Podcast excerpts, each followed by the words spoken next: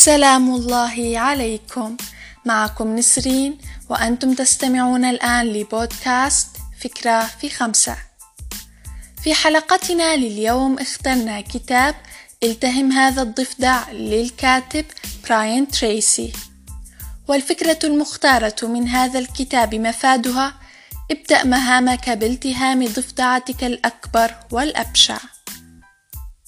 يقال على مر السنين بأنه إذا كان أول شيء تفعله كل صباح هو أكل ضفدعة حية فإنك ستكون راضيا طوال اليوم لأنك تعرف أن هذا سيكون أسوأ شيء سيحدث لك طيلة النهار. أولا دعونا نعلم ما المقصود بالضفدعة هنا. ضفدعتك هي واجبك الأكبر والأهم أي حينما تبدأ يومك يكون عليك إنجاز عدد من المهام. فيقول لنا الكاتب بناء على هذه الفكرة بأن نحدد المهمة الأكبر والأصعب والأهم التي يتوجب علينا إنجازها في هذا اليوم وبدء يومنا بها. قد تتساءلون لم نبدأ بالمهمة الأصعب وليس الأسهل؟ الإجابة ببساطة أنك حينما تنهي أداء مهمتك الأكبر أولا فإنك ستشعر بدفقة كبيرة من الشعور بالإنجاز مما سيدفعك للإقدام على إنهاء باقي مهامك. وكذلك ستكون مرتاح البال أنك أنجزت مهمتك الأكبر وبالتالي لن تحمل هم وقلق إنجازها معك طوال اليوم.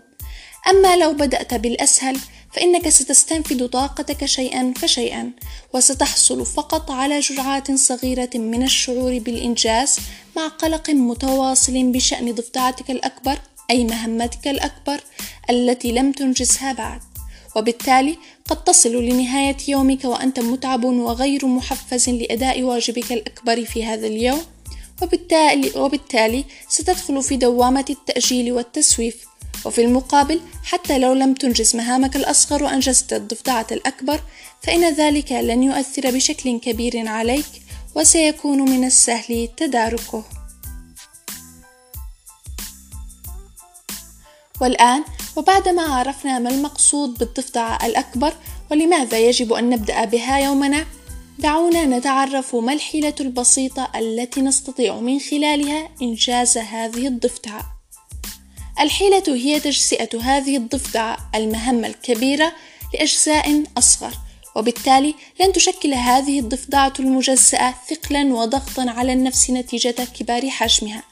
وسيسهل علينا بهذا إنجازها. ويمكننا أن نجزئ هذه الضفدعة الكبيرة بناء على محاورها أو على مدة زمنية معينة. مثلا أن نعمل لمدة نصف ساعة ثم نأخذ خمس دقائق راحة.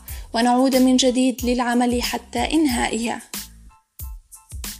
وكمثال عملي لما أوردناه تخيل أن لديك في الغد امتحان في مادتين مادة صعبة بالنسبة لك ومادة سهلة. فبناء على فكرتنا لليوم عليك أن تبدأ بمذاكرة المادة الأصعب وتقوم بتجزئتها لأجزاء أصغر سواء بناء على محاور هذه المادة أو بناء على مدة زمنية معينة. إذا خلاصة حلقتنا من بودكاست فكرة في خمسة. ابدأ أولا بالمهمة الأصعب والأهم التي عليك إنجازها وقم بتجزئتها لأجزاء أصغر حتى يسهل عليك إنجازها. أستودعكم الله الآن وإلى لقاء يتجدد في حلقة جديدة من بودكاست فكرة في خمسة.